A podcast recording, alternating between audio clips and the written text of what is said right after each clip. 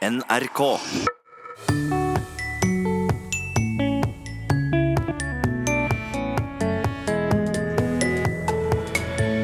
Norge ble navnet på landet vårt, for det var der Harald Hårfagre holdt til. Men kunne det vært annerledes? Hvis ladejarlene lenger nord hadde klart å stå imot og kanskje nedkjempa Harald Hårfagres etterfølgere, hadde da landet vårt i dag hett Trøndelag? Hadde vi vært fem millioner trøndere i dag?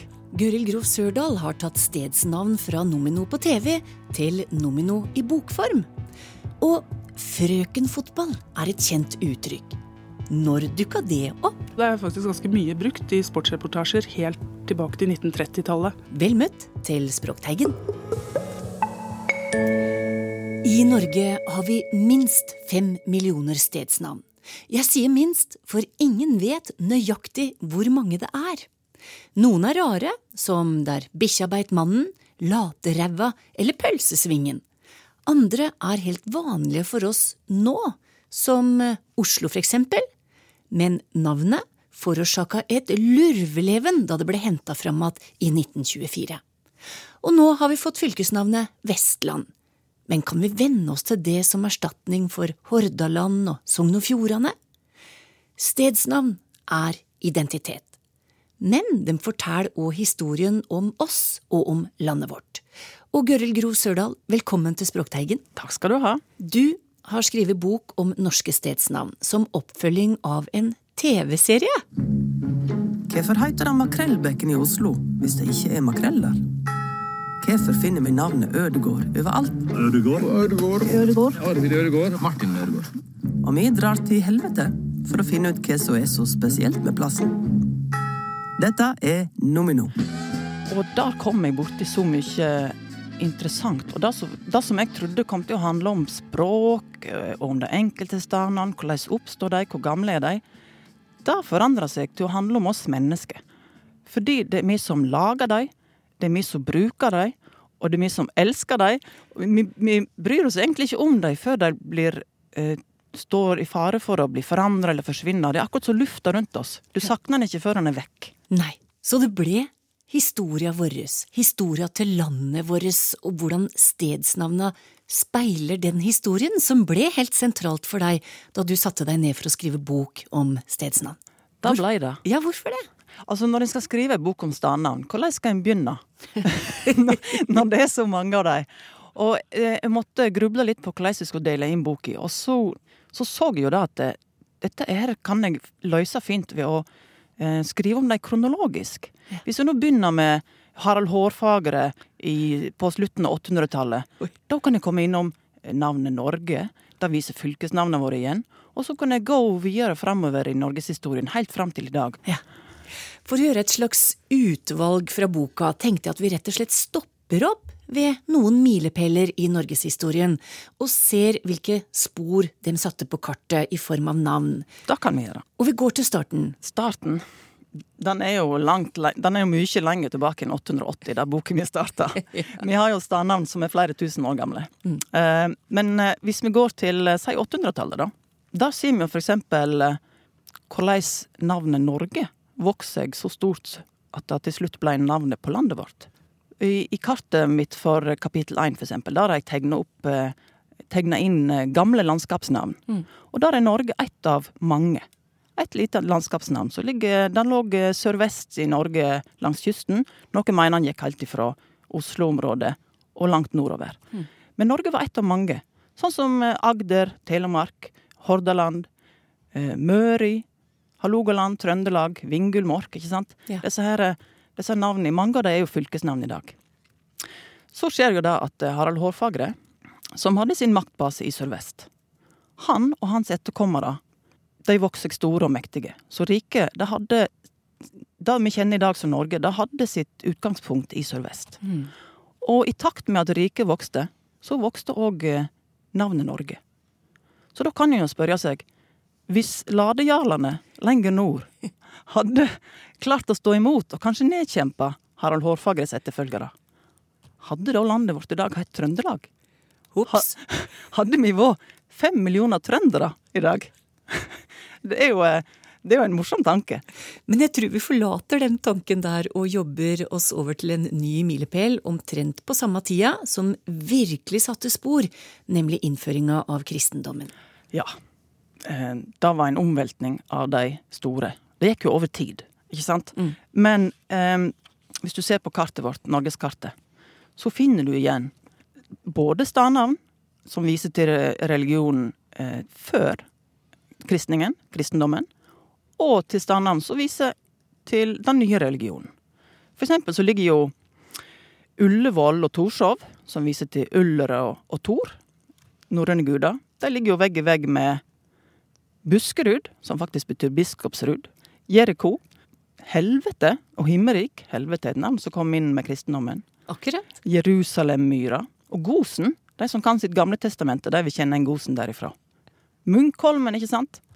Og på Vestlandet så har vi Totland og Osland og Tysnes og Nerheim og Frøytlog. Alle viser til eh, norrøne guder. Det ligger vegg i vegg med Paradis og Galilea, for eksempel. Det er jo i min egen heimbygd Vik. Altså, jeg har jo stussa litt på hvorfor, hvorfor ligger de kyrkja Nordrehov kyrkja, for eksempel. Ullensvang kyrkja. De ligger jo på eh, plasser, og de har navn etter norrøne guder. Ikke sant? Hvordan kan det ha seg? Det, det, men jeg tror kanskje at det, eh, det har med at et stadnavn det mister jo jo innholdet sitt over tid. Det blir, det blir, et navn, det blir en merkelapp. Så over tid så tenker en ikke over at eh, Ullensvang kommer av eh, guden ull, ikke sant? Nei. Fra en stor kulturrevolusjon til en eh, stor tragedie som skjedde noen hundre år senere, 1349, da nådde svartedauden oss. Oh, hvis vi snakker om eh, at kristningen var en kulturrevolusjon, så var jo svartedauden en tragedie. Ja. Nasjonal tragedie. Ikke bare nasjonal, men europeisk. Mm. En tror jo at uh, minst halvparten av befolkningen i Norge døde. Kanskje så mange som 60 mm. Tenk deg i dag, seks av ti dør. Da, da merkes, for å si det mildt. Og det som skjer, er jo at uh, eh, gårder blir liggende folketomme.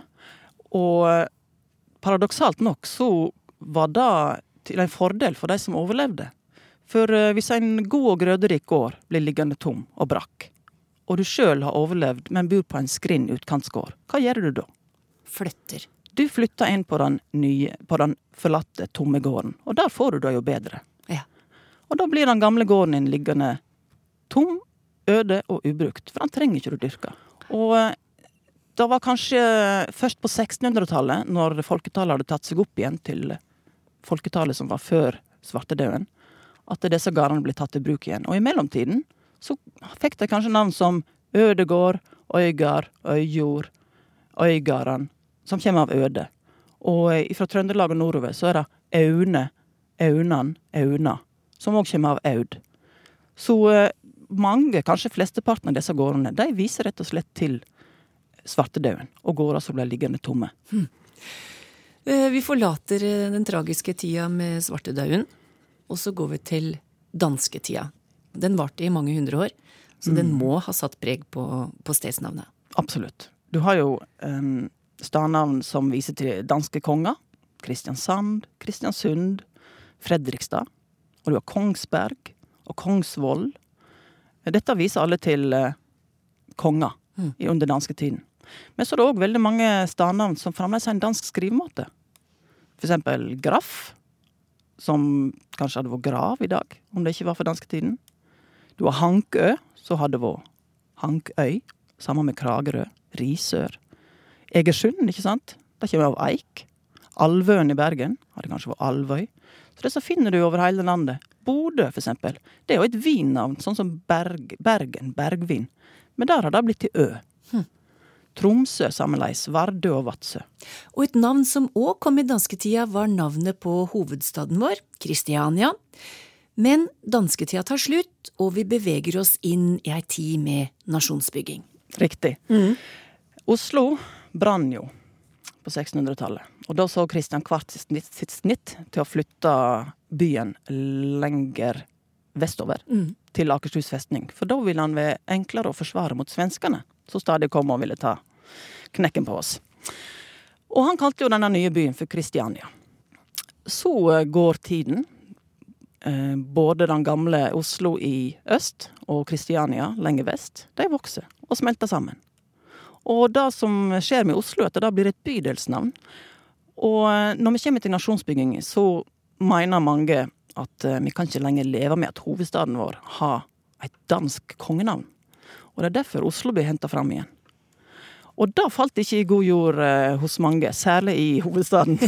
For Oslo da var altså navnet på en fattig bydel i øst, som en ikke ville vedkjenne seg.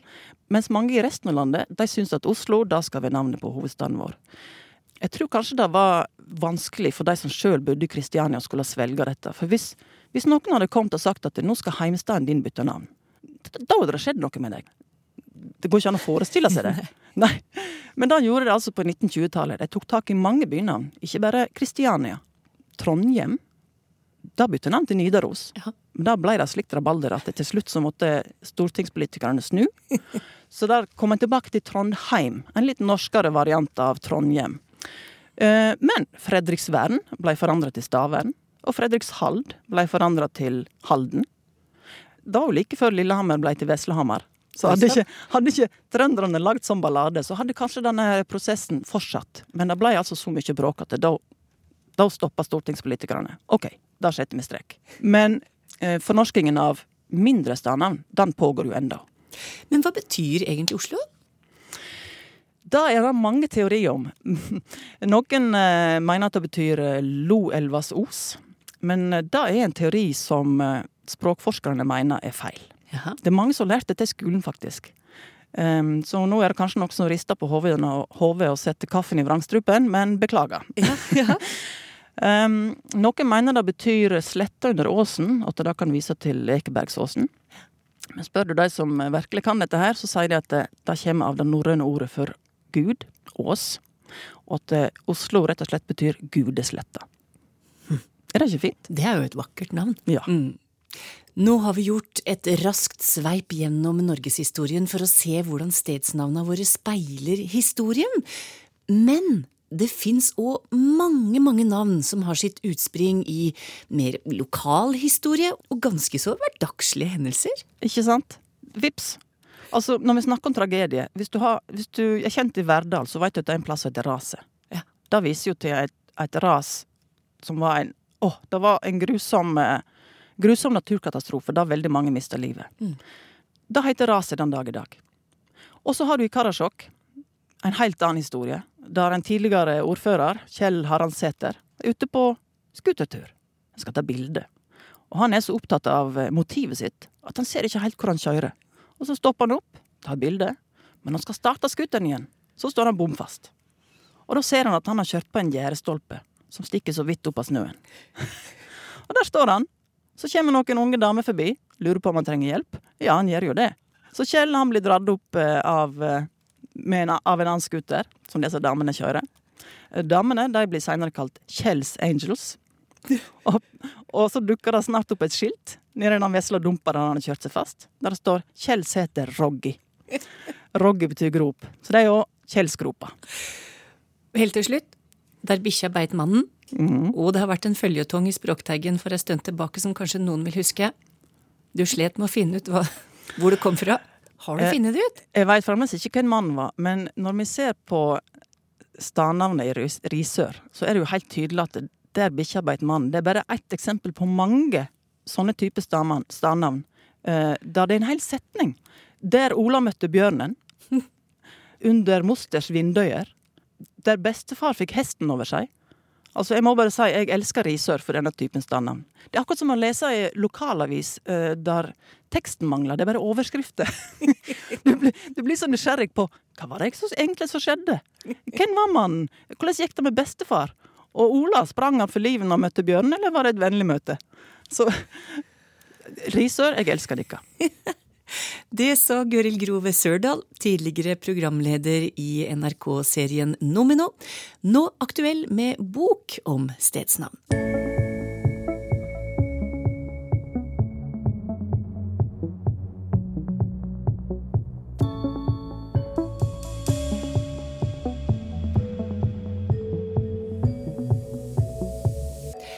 Nå skal vi inn på syrommet. For noen måneder siden fikk nemlig Språkteigen en e-post fra en lytter som hadde merka seg både vakre og artige begreper innen sømfaget via det store symesterskapet på NRK TV. Reporter Helle Therese Kongsrud har lett med lys og lykte etter de gode historien knytta til begrepa, og har kommet tilbake med en hel liten serie om det. Og i dag skal vi høre om krager. Frankrike virker å være kilden til alt det gode i sømverden. De har mange flere uttrykk og betegnelser innen sømfaget enn vi har i Norge. Det sier Tine Solheim, veletablert designer utdanna i Paris. Ja, vi har jo noen uttrykk på norsk. Da. Vi har jo sjalskravet, f.eks. Og så har vi sånn eh, for den som står rett opp. ikke sant? Men det er unektelig flere i fransk. For språklig forankring henter vi inn sømspaltens egen ekspert. Jeg heter Kristine Meklenborg Salvesen og er førsteamanuensis i fransk ved Universitetet i Oslo. Og vi begynner med det mest elementære. Først har vi kragen. Den må være helt symmetrisk sydd. Køll betyr krage. Et lite og enkelt, men veldig gammelt ord. Da kan vi snakke bitte lite grann om sånn eh, sanskrit og sånn, eller i hvert fall indoeuropeisk. Det er et ord som går tilbake til en stamme som betyr at det er noe som går rundt. Altså det er noe som går rundt halsen. Og det er det som blir opprinnelsen til ordet koll, da. Og det blir òg stammen til alle krageuttrykka i fransk. De har mange forskjellige ord på hva slags type krage det er. Koll de, satt inn hvert substantiv, gir utallige variasjoner. Og mye av det her går på hvilke land det kommer fra, ikke sant. Uh, Colangli kommer fra Det er en engelsk stil. Som er da den engelske litt sånn høytstående på herreskjorter, f.eks. Col chemisier, det er jo en skjorteblusekrave. Det er den vi kjenner best. Det er den som skal være spiss i tuppa og alltid bør strykes. Og siden vi nå veit at køll betyr krage, må chemise bety ja, akkurat skjorte. Kan jeg si noe morsomt om ordet chemise? Ja. Det er et uh, keltisk ord. Det er fordi i um, Gallia så var det jo gallere, naturligvis. Og det var jo keltere. Og, og så kom romerne. Og så uh, kom frankerne, og så fikk vi Frankrike. De aller fleste ordene i fransk er enten latinske eller en god del fra germansk. Så har vi noen få som er igjen fra de gallerne som bodde der før romerne kom. Og ett av dem er uh, chemise som da het camisa. En ekstremt lang historie bak ordet chemise, altså, som utvikla seg videre til å bli skjorte på norsk. Men andre ord har en vesentlig kortere historie. Carl Claudin eksempel, det er disse barnekravene som er runde. Og det viser rett og slett til jentenavnet Claudin. Og det var en roman som kom ut i 1900 som het Claudine à l'école. Claudine på skolen. Den var skrevet av forfatteren Coletta. Og på bildet, på omslaget på den romanen da den kom ut, så var det et bilde av Colette med en sånn krage. Og da fikk Man antar at det er opprinnelsen til navnet Col Claudine. Og Colette er da også interessant. Det er den andre kvinna som fikk Le Prix Goncourt, som er en stor litterær pris i Frankrike. Så det er litt sånn morsom her. Plutselig så, Du gir ut en bok, det er et bilde av deg, og så gir du navn til et motefenomen. Tre, to, én Sitio er slutt. Ja. Applaus! Men neste uke kommer nye syv prosjekter på bordet. Da skal vi høre historien bak det som er et av verdens mest vanlige plagg. Denim og jeans, det er egentlig ganske morsomt i seg selv. Hvordan ting kan liksom reise, hvordan ord kan reise, og så kommer det tilbake i en helt annen form. Tine Solheim og Kristine Meklenborg Salvesen er våre guider i sømspråket. Reporter Helle Therese Kongsrud.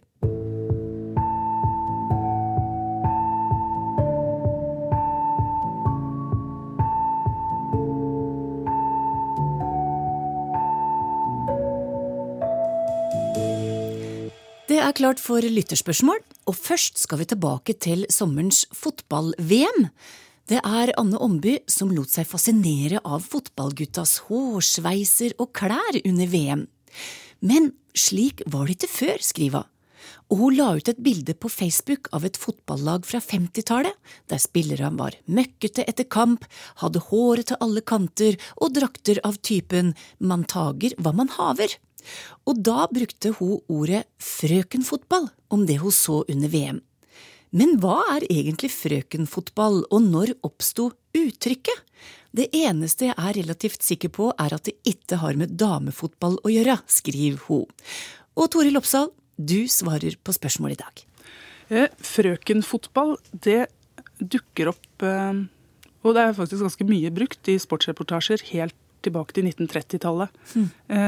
Så, så, dette er et uttrykk som har levd et ja, ganske, ganske langt liv. Ja. Og det betegner en form for pen og pyntelig fotball. Ja. Så, så, det var et godt bilde, det Anne Omby, Omby la ut her. Eh, adjektivet frøkenaktig, det, det brukes eh, ikke ofte, men, men, i den grad det blir brukt i dag, så, så, så betegner det noen som er litt ja, dydige, litt forsiktige. Og så har det nok et element av å være litt prippen. Eh, ved seg. Så dette er pen, pyntelig fotball utført av noen som er litt forsiktige og litt prippende. Der har du frøkenfotballen. Så det er, det er, rett og slett frøken som, som, som, ligger til grunn der. Høres ikke så veldig underholdende ut? Nei, det spørs vel hva man setter pris på av, av underholdning, det. Mm. Men er, er, det et begrep som er litt mer på tur ut? Ettersom vi snakket ikke så mye om, om frøken mer? Nei, man gjør jo ikke det, men, men kanskje frøken uh, overlever både her og, og jeg hørte Og da ble jeg litt overraska, men seinest i går så var det noen små skolebarn ja. som snakka om frøken. Så, så, frøken, det var læreren. Ja. Det husker jeg at vi brukte om læreren også. Men, så der har frøken en rolle. Og, og så får vi jo stadig oftere disse titlene klaska på flybilletter og togbilletter, og der er vi både Miss og Mrs. og diverse. Så, så det, er noen, det er noen nisjer der disse titlene definitivt lever fortsatt. Eh, men eh, frøkenfotball mm, vi vil helst se noe litt mer tøft. Hører ofte politikere prate om verdiskapning og boligbygning, f.eks. Men burde det ikke strengt tatt ha vært verdiskaping og boligbygging? Prater vi ikke om å skape verdier eller bygge boliger, spør eh, Anders Ness? Næss. Eh, dette her er et ja, det er, det er et vanskelig, et vanskelig felt fordi, fordi, det er eh, vi, ja, vi, vi, kan prøve å sette opp en regel, ja. eh, og den, den, har Anders Næss eh, klart for seg. Det er at når vi betegner en handling, så bruker vi gjerne ing. Eh, og resultatet av handlingen, der bruker vi gjerne ning. Akkurat. Slik at bygging skaper en bygning. Ja. Men her er det et stort men. At det er nesten slik at unntakene er flere enn denne regelen. Og vi finner, som Anders Næss er inne på her også, ning i samband med handlinger også. Eh, det er den varianten vi også hører oftest i nabospråka våre. Ning-varianten er nok mer utbredt i enkelte, ja, vi kan jo si stilistiske måter å skrive på, sånn at du vil finne flere ning i et mer konservativt bokmål f.eks. Og du vil finne ing-former når du skriver nynorsk ofte. Mm. Så, så, så, så, her er det et spenn. Og noen små nyanser når det gjelder eh, betydning, har nok også utvikla seg.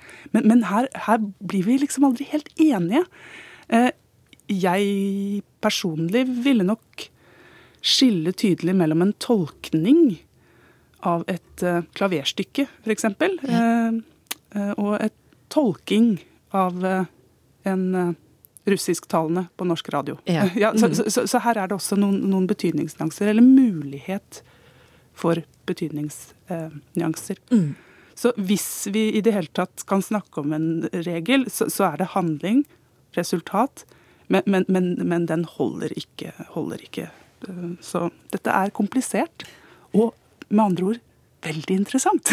ja, veldig interessant, ja. for jeg satt og tenkte tolking og tolkning. Mm. Det, tolkning rommer mer. Ikke sant? For det er mer enn bare direkte oversettelse. Mm. Og så er det også resultatet. Så der kan du en gang snakke om at her, her foreligger det en tolkning ja. av et verk, For Ja. Men det kan du ikke gjøre om boligbygging og bolig Men, men, men jeg, jeg, jeg, tror nok Her vil nok mange si dessverre også at Anders Næss har rett i at boligbygning også, også brukes om, om handlingen ja. eh, mer og mer. Så her er det, litt, det er nok litt noen preferanser ute og går også, men, men du kan få god støtte i ordbøker dersom du er usikker også hørte på radio her en dag at eh, trolleybussen i Bergen skulle pimpes opp. Det engelske uttrykket to pimp up betyr å pynte på, men på norsk så betyr jo pimpe å drikke tett. Eh, det er Lars Mossefinn som undrer seg litt over dette herre pimpe opp. Hva kan vi mm. si om det, Torhild? At denne betydningen som vi har lånt fra engelsk, å pimpe opp, den har eh, festa seg, eh, og den er eh, utbredt. Og jeg lurer på om jeg leste over skulderen til en på bussen i dag nylig med en overskrift om å pimpe opp, om det var russebussen eller om det var skolesekken eller hva det nå var for noe. Men, men, men denne er blitt uh, nokså vanlig. Norske Akademis ordbok har med dette verbet også i denne betydningen. Nettopp det å, å, å ja, skape Sette et ganske prangende preg på. Etymologien her kobles til en pimp, eh, i betydningen hallik, faktisk. Ja. Hvor man da ser for seg en som, eh, en som har eh, sans for luksus og pynt. Pynt og fjas. Så det er rett og slett blitt eh, et helt akseptert eh, norsk uttrykk? Eh, nå er nok ikke Lars Mossefinn enig i at det er akseptert. og, og, mange vil nok dele den oppfordringen, men det, men det er denne Hva skal jeg si? Det er nok tidsperspektivet som kan hjelpe oss her. Så, så om ikke veldig lenge, så, så, så vil nok de fleste enes om at dette er et helt akseptabelt uttrykk. Stadig vekk høres uttrykket det, det er ett fett.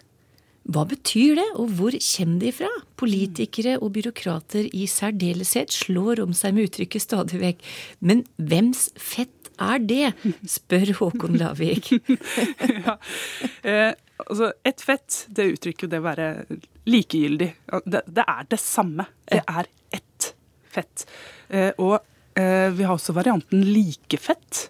Og den var mer utbredt tidligere, særlig fra slutten av 1800-tallet. Så finner du mye som er likefett. Og så når vi nærmer oss, altså vi kommer ut på 1900-tallet, så er det ett fett som dukker opp eh, veldig ofte. Eh, det er et uttrykk vi møter i, eh, ja, i dialoger og en litt mer engasjert framstilling. Så det, så det er et muntlig prega uttrykk. Mm. Um, Ibsen han skriver om, det er eins B, samme øl. og det går ut på, på det samme. Eh, hvis fettet er, det skal jeg ikke uttale meg om, men det er nok det at det er, det er eh, noe stofflig, det er noe konkret.